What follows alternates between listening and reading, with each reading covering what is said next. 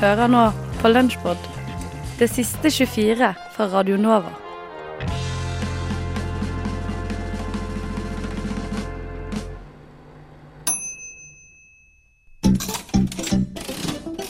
Skumma kultur byr nå på mimring, typ den ekte sorten, om eh, tre, to, én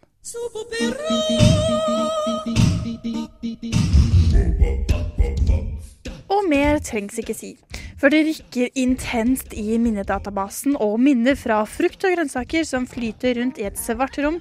Og så hører du så klart den fantastiske og viktige Sopopera er en fransk barneserie med 26 episoder hvor hver episode var ca. to minutter. Ja, det stemmer. To minutter. En episode med sopeopera tar altså like lang tid som det du bruker på å løpe fra T-banesporet til Majorstuen T-banestasjon og over til 19-trikken som står der og venter. Like lang tid som det tar å håndbrygge digg og veldig dyr kaffe. Og like lang tid som Nora bruker på å si en hel setning. Bare hør her.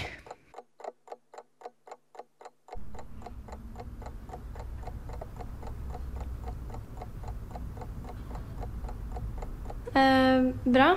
Men uh, uansett, sopopera er ganske typisk for sin tidsalder. Det o store 90-tall med sin fete bit. Og ikke minst helt sjukt fete stop motion-bilder av frukt og grønnsaker som faller ut av fruktkurven på mirakuløst vis og finner sammen og bare blir til et eller annet nytt og kult. Sjuke greier, eller hva? Sopopera produseres dessverre ikke lenger.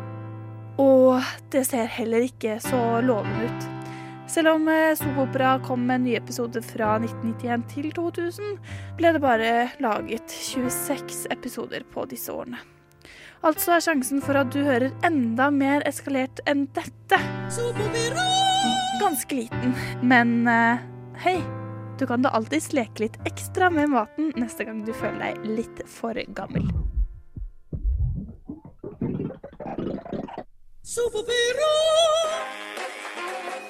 Ingrids korrektur.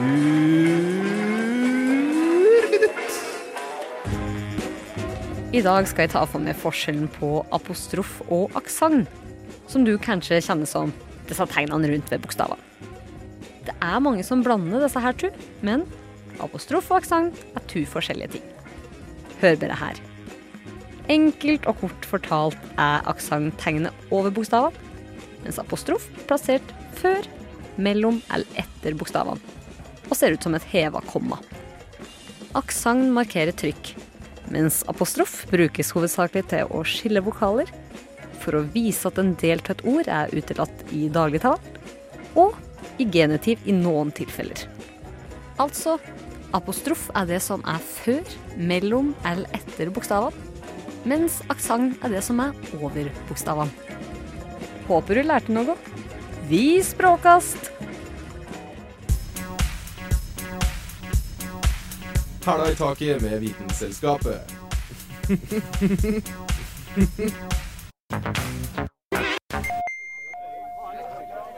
Could you grab me a stubby holder? Of course. Here you go. Thanks, mate. Bør jo nesten komme meg av gårde. Carl maste jo høl i huet på meg før jeg dro om at jeg måtte oppsøke noen i mur og prøve å klappe litt og sånn. Men nå er jo grillspyda straks ferdig, da. Hang loose. Ja. Ja. Han fiksa uansett noe greier sånn, så da holder vi det loose. Den australske emuen er i all hemmelighet ei drapsmaskin. Den ser kanskje ikke så skummel ut på avstand. Du har å gjøre med en stor fugl som ikke kan fly. Kommer du litt nærmere derimot, blir perspektivet et helt annet. Fuglen kan på det meste rage 190 cm høy, altså høyere enn de aller fleste. Samtidig er kroppen halvannen meter lang. Det er ingen liten sak en har med å gjøre. Føttene er imidlertid som fyrstikker å regne, så den største emuen veier ikke mer enn 60 kilo. Lett, tenker du. Den fjørvekta hamler jeg lett opp med. Nja, på grunn av den lave vekta kommer du til å slite hardt med å komme deg unna den sinte emen.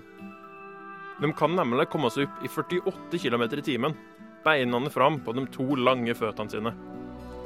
Med to og tre kvart meter steg flyr fuglen nærmest langs bakken.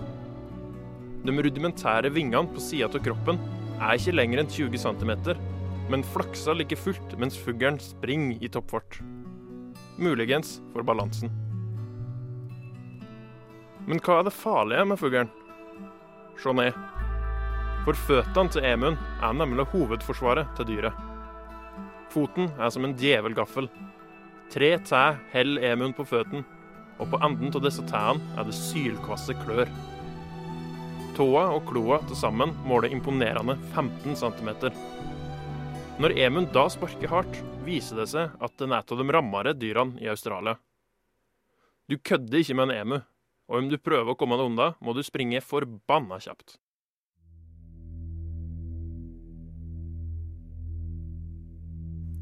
I oktober i 1932 gikk den føderale staten Australia til krig.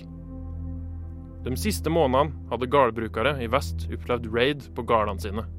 Avlinger var store eller ødelagt, og gjerder var sonrevet. Fienden bak terroren emuen. Krigen var en realitet, og troppene ble samla. Under ledelsen til major GPW Meredith av det kongelige australske artilleri ble den 2. november 1932 to tapre sjeler sendt inn i kamp. Soldatene var utstyrt med maskingevær av typen Lewis og hadde 10 000 kuler. It's emu killing time. Den første trefninga mellom australske og emuiske tropper henta utafor Campion. En tropp på 50 emuer møtte de tre soldatene. De forsøkte forgjeves å legge seg i bakhold på fuglekompaniet. Fuglene var for langt unna til at de kunne skytes. Andre runde med avfyrte skudd innebar imidlertid et lite antall falne emuer. Dyrene samla sine sårer, og sammenstøtet var over. To dager seinere kom neste blodgytning. Minst 100 emuer i formasjon ble sett ved ei demning i nærheten. Nå venta krigerne med å åpne ild til fuglene var nærmere, og tolv fugler ble drept. Men så låste de australske Louis-geværene seg, og de vettskremte emuene kom seg unna før flere gikk tapt. De følgende dagene prøvde major Meredith sitt beste for å få livet av emuene. Han marsjerte sørover, der han til og med prøvde å montere et av geværene på en lastebil. Denne ideen viste seg å ikke funke. Det ble aldri stabilt nok til å kunne fyre av. Etter seks dager med krig ble troppene trukket tilbake. De smidige og raske muene viste seg å være ei utfordring for den australske hær. Og muenes herjing fortsatte. Få dager senere ble Meredith og kompani på nytt sendt ut til fronten. Krigføringa ble gradvis mer effektiv, og etter hvert kunne to soldater skryte på seg og drepe 100 emuer for uke. Når Meredith ble endelig tilbakekalt i desember, hadde nesten 1000 emuer dødd i krigen, mot null australiere. Krigen ble avslutta på tampen av 1932 og ble aldri gjenopptatt. I stedet ble et system med belønning for drepte emuer satt opp, og etter hvert ble dette vellykka. 60 000 emuer ble drept på et halvår i 1934. Den rare fuglen måtte si krigen tapt, men lever fortsatt i Vest-Australia. Her er en av hobbyene å gå opp til folk og dyr og prikke dem i bakhugget med nebbet, for så å springe alt den har unna. Da han har vært starta kriger over mindre.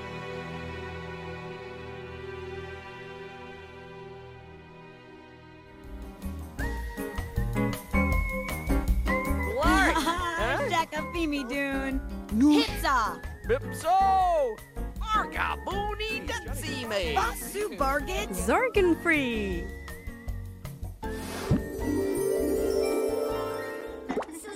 I was driving through the Ramallah Latrun Road, and as we passed, we saw trailers bringing mobile homes. Denne uken ble Human Rights Human Wrongs, en dokumentarfilmfestival, arrangert på Cinemateket. Festivalen tar opp både enkeltmenneskelige skjebner og store globale problemstillinger der menneskerettigheter debatteres. Vi dro også filmen The Settlers, en dokumentar som historisk tar oss gjennom de første israelske bosettingene i Palestina. Du skal nå få høre et lite klipp fra filmen. over the future of the occupied territories. Some officials wanted to trade land for peace, while others hoped to stay permanently.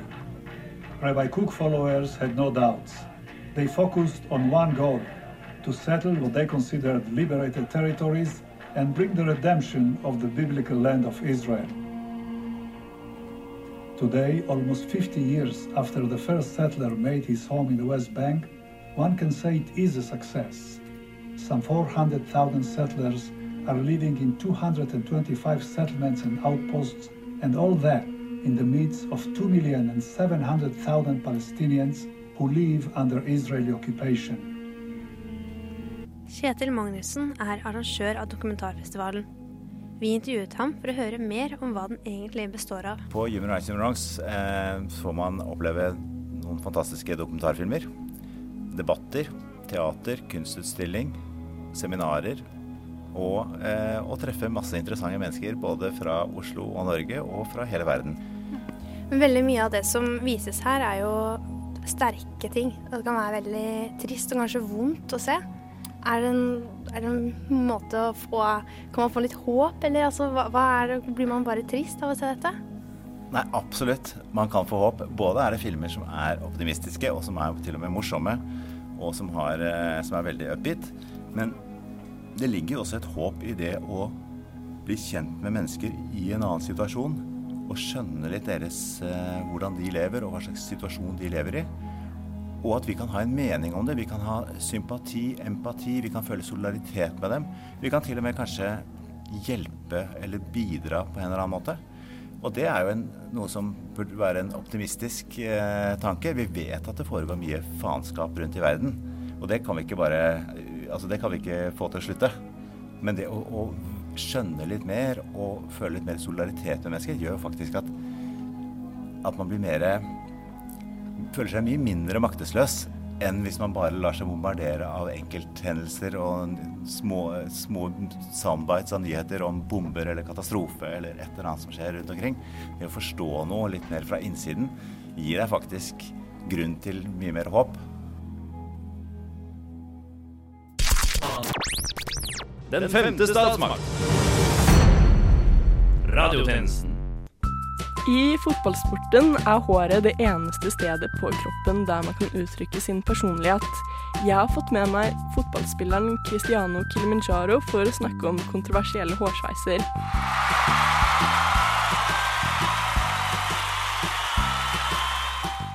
Så her, Kilimanjaro, hva er motivasjonen til folk som velger utradisjonelle hårtyper? Altså, for mange av oss så ligger det egentlig en uh, ubevisst følelse om å være i sentrum av oppmerksomheten. Oppmerksomhet uh, er jo en mangelvare for oss som uh, tjener flerfoldige millioner i året på verdens mest populære publikumssport. Men det må jo finnes flere grunner? Ja, en av dem er at man kan tjene penger på reklame. Reklame, hvordan da? Jo, altså, noen barberer enten Coca-Cola-logoen eller Pepsi-logoen på bakhodet, eller stabber makrell i tomat-logoen, og så får de evig mange penger av det. Eh, og det er også noen kunstnersjeler i fotballmiljøet, og de kan finne på å barbere for eksempel en Penis? eh, ja, for eksempel. Det vil jeg si er det mest kontroversielle. Eller hva med Eh, Eller for eksempel barbere 'This is not my hair', slik at motstanderne blir skikkelig forvirret, sånn at du kan score ett eller to eller tre eller fire Jo eller, da, men eller fem eller seks eller syv eller åtte. Eller ni? Eh, Nei, ikke ni mål. Umulig. Eh, Du kan barbere en liten baby i- inni håret ditt, slik at motspillerne tror du har en baby på hodet, og dermed vil ingen tørre å takle deg, fordi ingen vil våge å skade den lille babyen du har på hodet ditt, og dermed kan du spankulere i fred mot målet.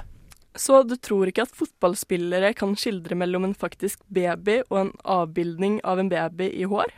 For å være helt ærlig er jeg faktisk litt usikker på om du er en ekte reporter, eller bare et bilde av en reporter noen har barbert på hodet sitt. Hvis du skulle gjettet, da?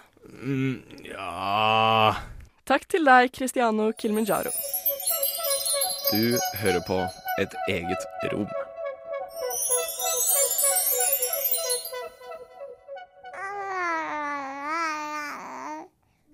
Da jeg ble født, var det sjeldent at fedre tok del i barselpermisjonen.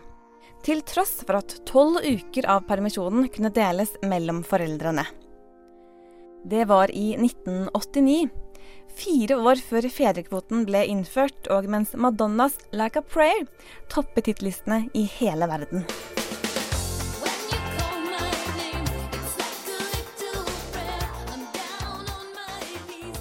For holdningen i arbeidslivet til kvinner og menn har vært, for, har vært forskjellig. Vi har klart å forandre det gjennom denne politikken. I 1993, da Gro Harlem Brundtland var statsminister i Norge, ble det innført en egen fedrekvote på fire uker. Grunnen var at man ønsket at flere menn skulle ta del i foreldrepermisjonen, og rett og slett bidra til et mer likedelt omsorgsansvar. Det var likevel en rekke regler man måtte forholde seg til. Fars rett til betalt permisjon, det man kaller foreldrepenger, krevde at begge foreldrene hadde vært yrkesaktive i minst seks av de siste ti månedene før fødselen. Altså ingen yrkesaktiv mor, ingen foreldrepenger til far selv om han var i jobb. Det ble også bestemt at dersom mor jobbet deltid, ville også fars fødselspenger bli bestemt etter mors stillingsdel.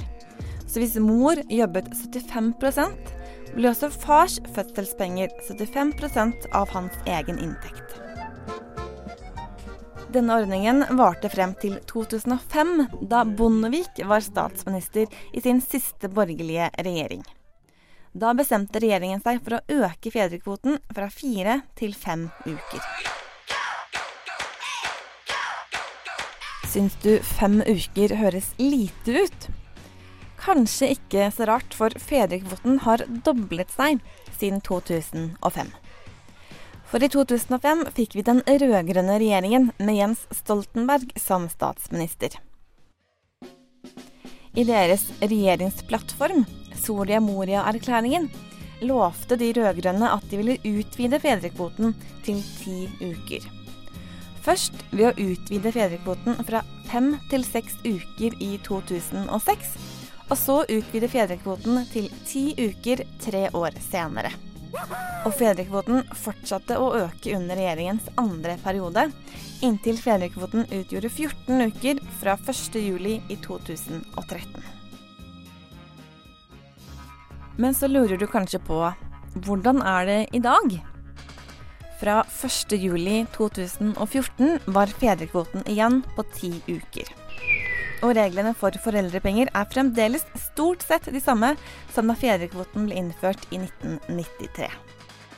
Det vil si, for at far skal ha rett til foreldrepenger, må både mor og far ha hatt pensjonsgivende inntekt i minst seks av de siste ti månedene før fødsel. Og hvis far ikke har rett til foreldrepenger, overføres fedrekvoten til mor. Det er likevel en liten endring som har skjedd siden 1993. For selv om mor jobber 75% av full arbeidstid, får likevel far 100% foreldrepenger dersom han jobber fulltid. Men hvis mor jobber mindre enn 75 blir også fars foreldrepenger redusert til det som tilsvarer mors arbeidstid. TV er gårsdagens medium. Og dermed er vi inn i dataverden.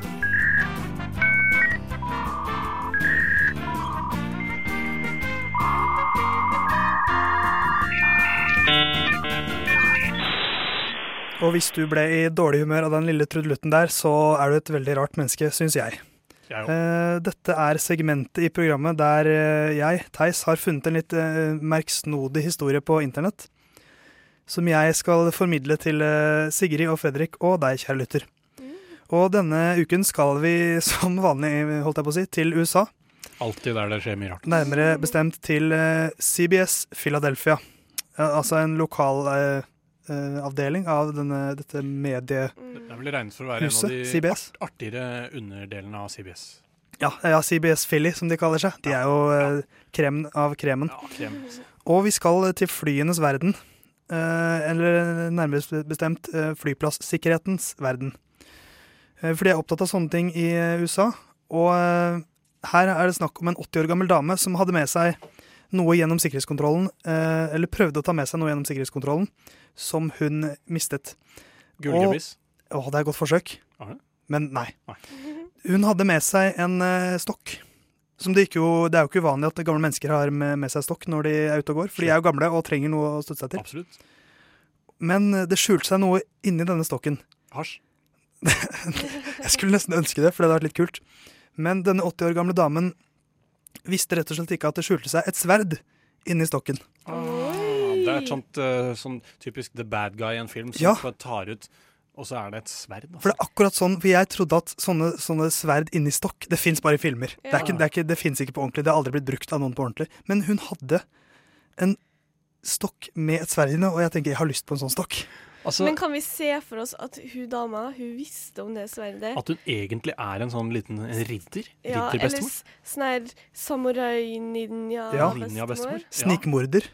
Hun skulle drepe Trump. Assassin. Ja, men, men eh, det er jo som dere sier, hun visste ikke om det, sier hun da. Vi vet jo ikke. men, men det jeg syns er litt gøy, er at disse folkene fra flyplassen sier at dette skjer ganske ofte. Ja, det... Stokker med sverd er ikke veldig uvanlig, faktisk, på flyplasser.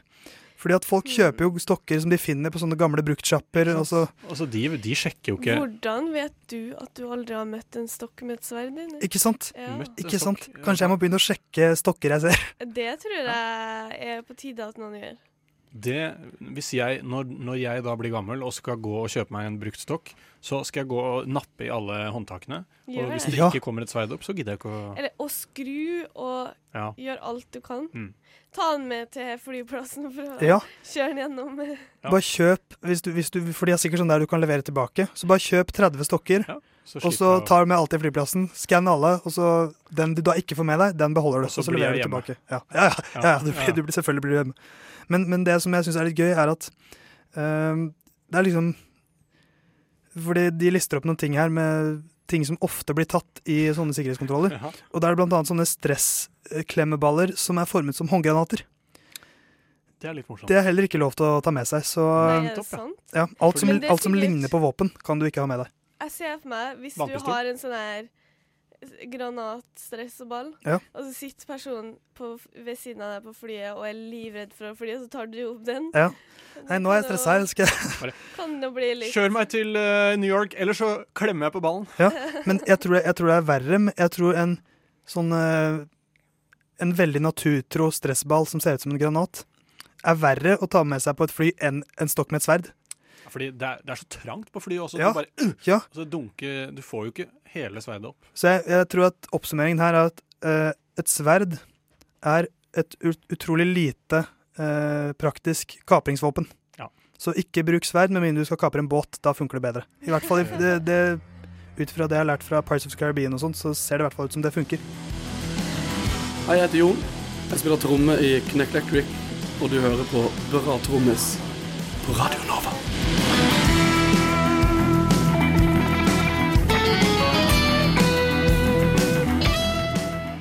Is weed legal here? No. No.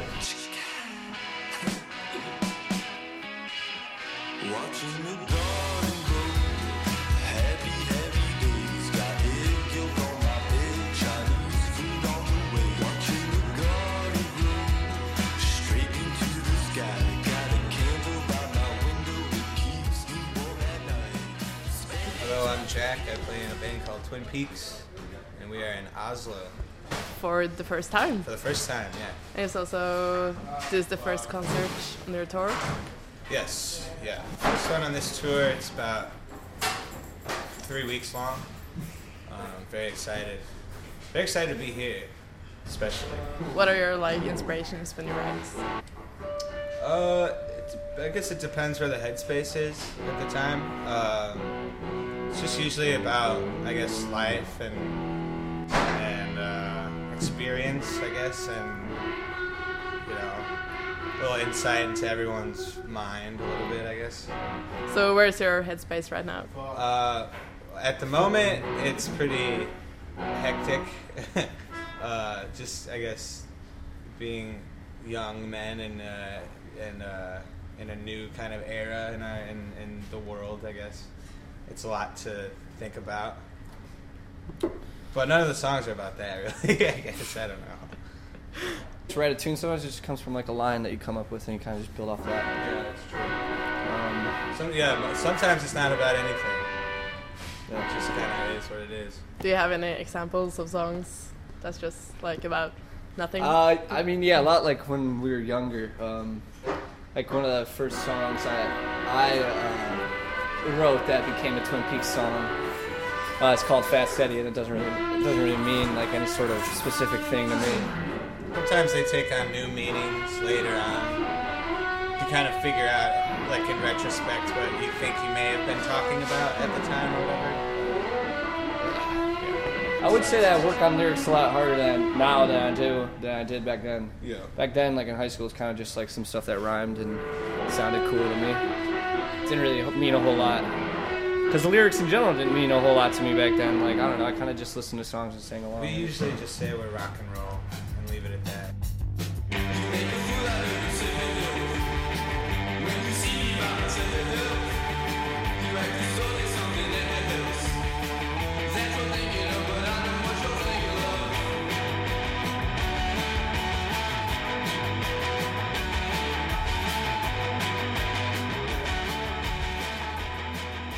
Don't you get like a lot of perks being We band? get no vacation days, no sick days, uh, no paid missed days, no uh, health and health No benefits, healthcare, yeah. no health care. So perks, we get to travel, free alcohol. um, to be loud as we want. we get to be as loud, and we get to make a lot, a lot, a lot of messes that we never clean up. I just mean like you know we get to eat and then you know fucking not clean up the shit. You know.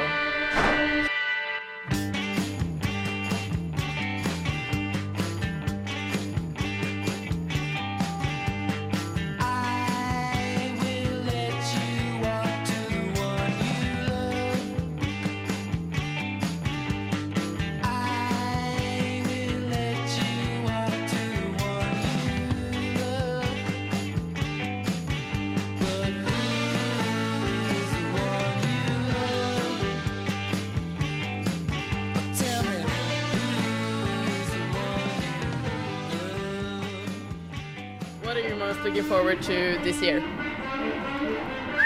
Well, this year just started. I don't know. The new um, Twin Peaks season. Oh, no. I'm not even a huge fan of that show. Yeah, I probably won't watch I it. I dig it. I'm actually dreading it coming out because then I feel like every time we do an interview, people are going to ask us about it. And I, I feel like we just got past that. Because when we started, that was all we ever heard. And then kind of finally, they stopped asking us about it. And now it's just going to start all over again. Sorry for bringing it up again.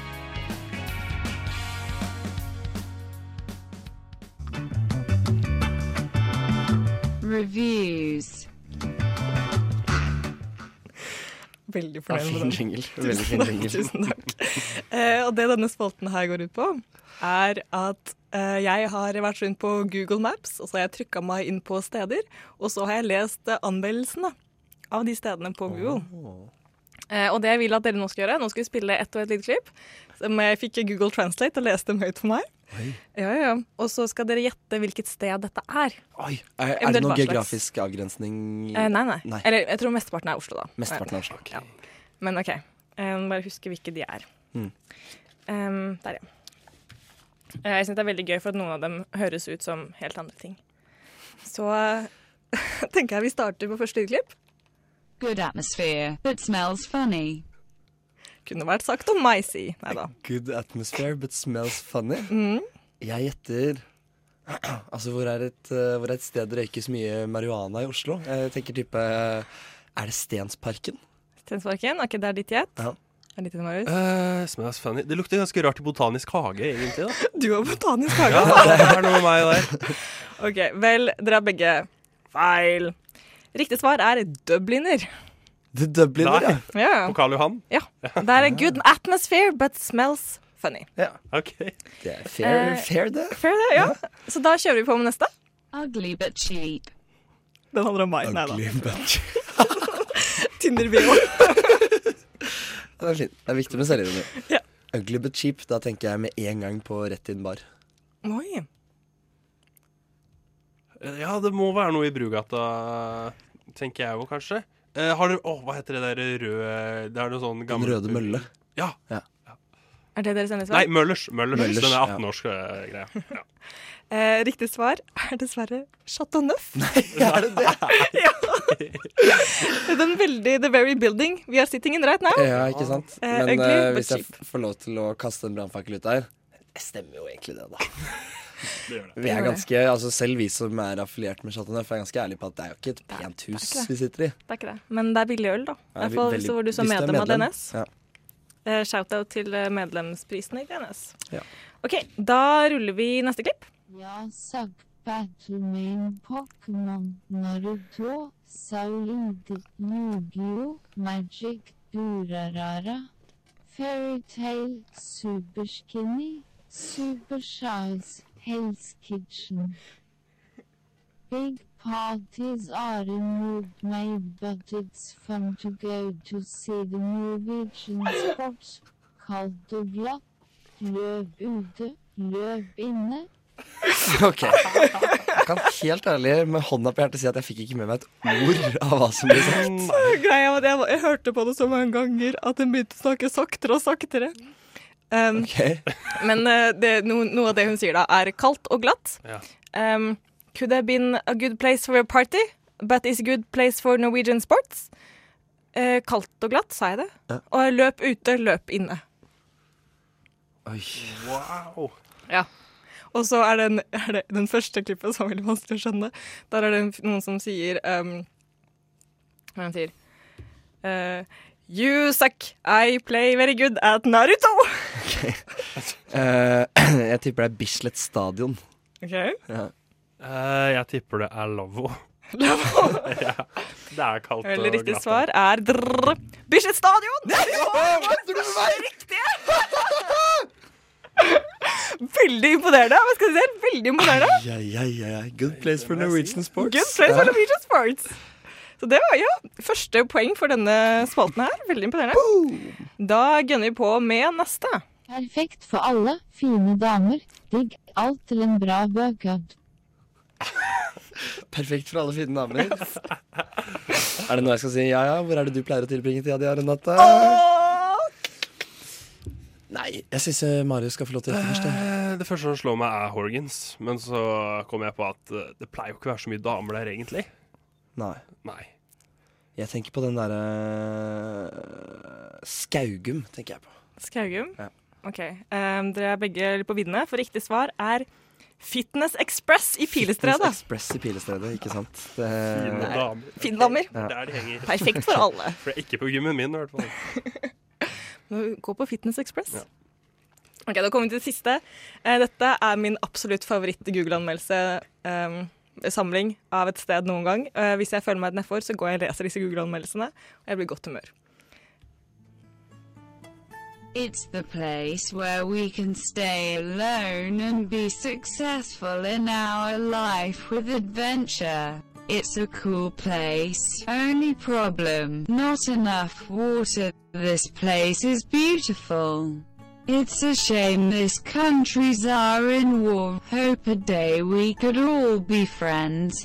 I hate this place. No water for weeks, no food. It's kinda gay.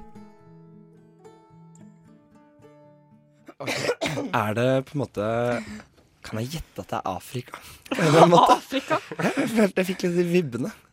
Ok. Beautiful place, not enough water. Jeg vet ikke. Uh, It's a shame all these countries are at war. I wish one day we can all be at peace. ja, ikke sant? Midtøsten, kanskje. Jeg vet ikke. Marius, hva tenker du? OK, så det er ikke Norge, det her? Nei, ikke da, for det her er ikke Norge, da. Det kan avsløre med en gang. Okay. Men uh, hvis man kunne ha testa promilla på Google Translate-stemmen, så tror jeg det hadde scora ganske høyt akkurat nå. Ja. I hvert fall. Men uh, Jeg er helt blank, jeg. Helt blank? Ok. Var, vi hadde litt tidligere i sendinga, så eh, hørte vi på en sang som het 'Ensom Cowgirl', og da nevnte jeg at hun eh, Ørkenen. Ja. Det her er rett og slett Sahara. I Sahara. Det her er folk som har lagt inn Google-anmeldelser Ah, av Sahara. Sahara-ørkenen. Det er Ja. yndlingsaktiviteten min. Ja, det Ja. Honnør til disse anmelderskribentene, eller anmel anmelderne. Poetene, vil jeg si. Ja. Radiotjenesten FM 99,3. Stortingsvalget 2017! Er vi klare? Arbeiderpartiet! Jonas Gahr Støre! Jeg heter Jonas Gahr Støre, og jeg gir ikke opp. Jeg skal styre hele skipet fra regjeringens topp. Alle er bitches til regjeringen fra Silvi hele tida, men se det er så mye om meg, men vi skal få makta igjen. Til høsten er det stortingsvalg, og Ap skal bli champions. Les vårt partiprogram. Alle skal med, men trygghet er for alle. Og med mulighet kommer frihet. Ja, vi oppnår best i fellesskapet. En evig kjærlighet. Alle skal med. Alle skal med. Gahr Støre, regjeringssjef. Alle skal med. Alle skal med. Kan du høre? Jeg rapper Ap. Det står arbeiderbevegelsen. Jeg kjemper fram samfunn som sikrer folk tilgang til kunnskap, velferd og eierskap. Til landsrike naturressurser. Et velorganisert arbeidsliv og et samfunn Mens på sosiale og økonomiske forskjeller avgjørende for nordmenns sterke tillit til hverandre og til myndighetene. Alle skal med. Alle skal med. Gahr Støre, regjeringssjef. Alle skal med. Alle skal med. Kan du høre? Jeg rapper Ap. Alle skal med. Alle skal med. Jonas Gahr Støre, regjeringssjef. Ja, alle skal med. Alle skal, alle skal, alle skal med.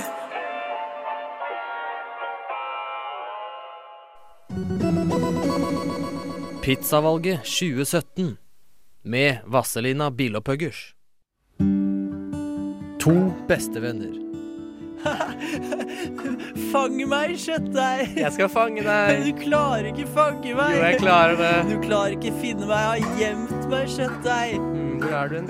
Her er jeg. Ja, din pepperoni. Lekeslåss. Vi lekeslåss. Kjøttdeig.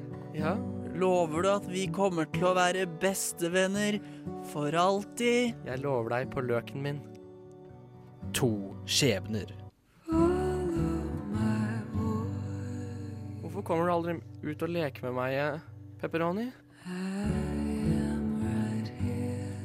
Pappa sier jeg ikke har lov til å omgås sånne som deg. Pepperoni. Kjøttdeig og løk. Du er ute av kontroll, kjøttdeig! Men ingen liker meg! Du er ute av kontroll! Pepperoni, hva faen sier du? Du sløser bort livet ditt! Skjønner du ikke det? Ett pizzavalg.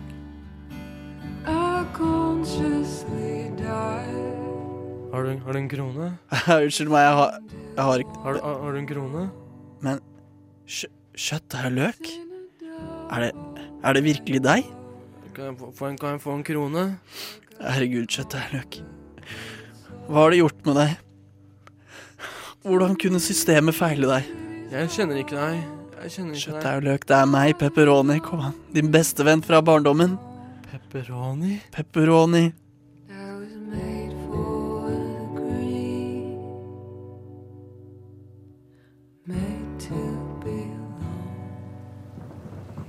Jeg orker ikke mer pepperoni. Kjøttdeig og løk, hva er det du har gjort med deg selv? Jeg orker, jeg orker ikke mer. Jeg kan ikke se på deg leve på den måten her. Skyt meg. Jeg nekter å skyte deg, skjøtterløk. Orker, orker bare ikke mer. Vær så snill. Jeg kan ikke skyte min beste venn. Pepperoni, Skjøtterløk. du må gjøre det. For min skyld. Farvel. min venn.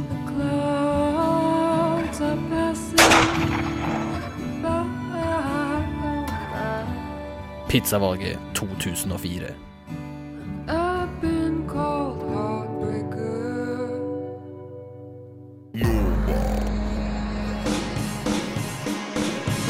Du har hørt en podkast fra Radio Nova. Likte du det du hørte? Du finner flere podkaster i iTunes og på våre hjemmesider radionova.no.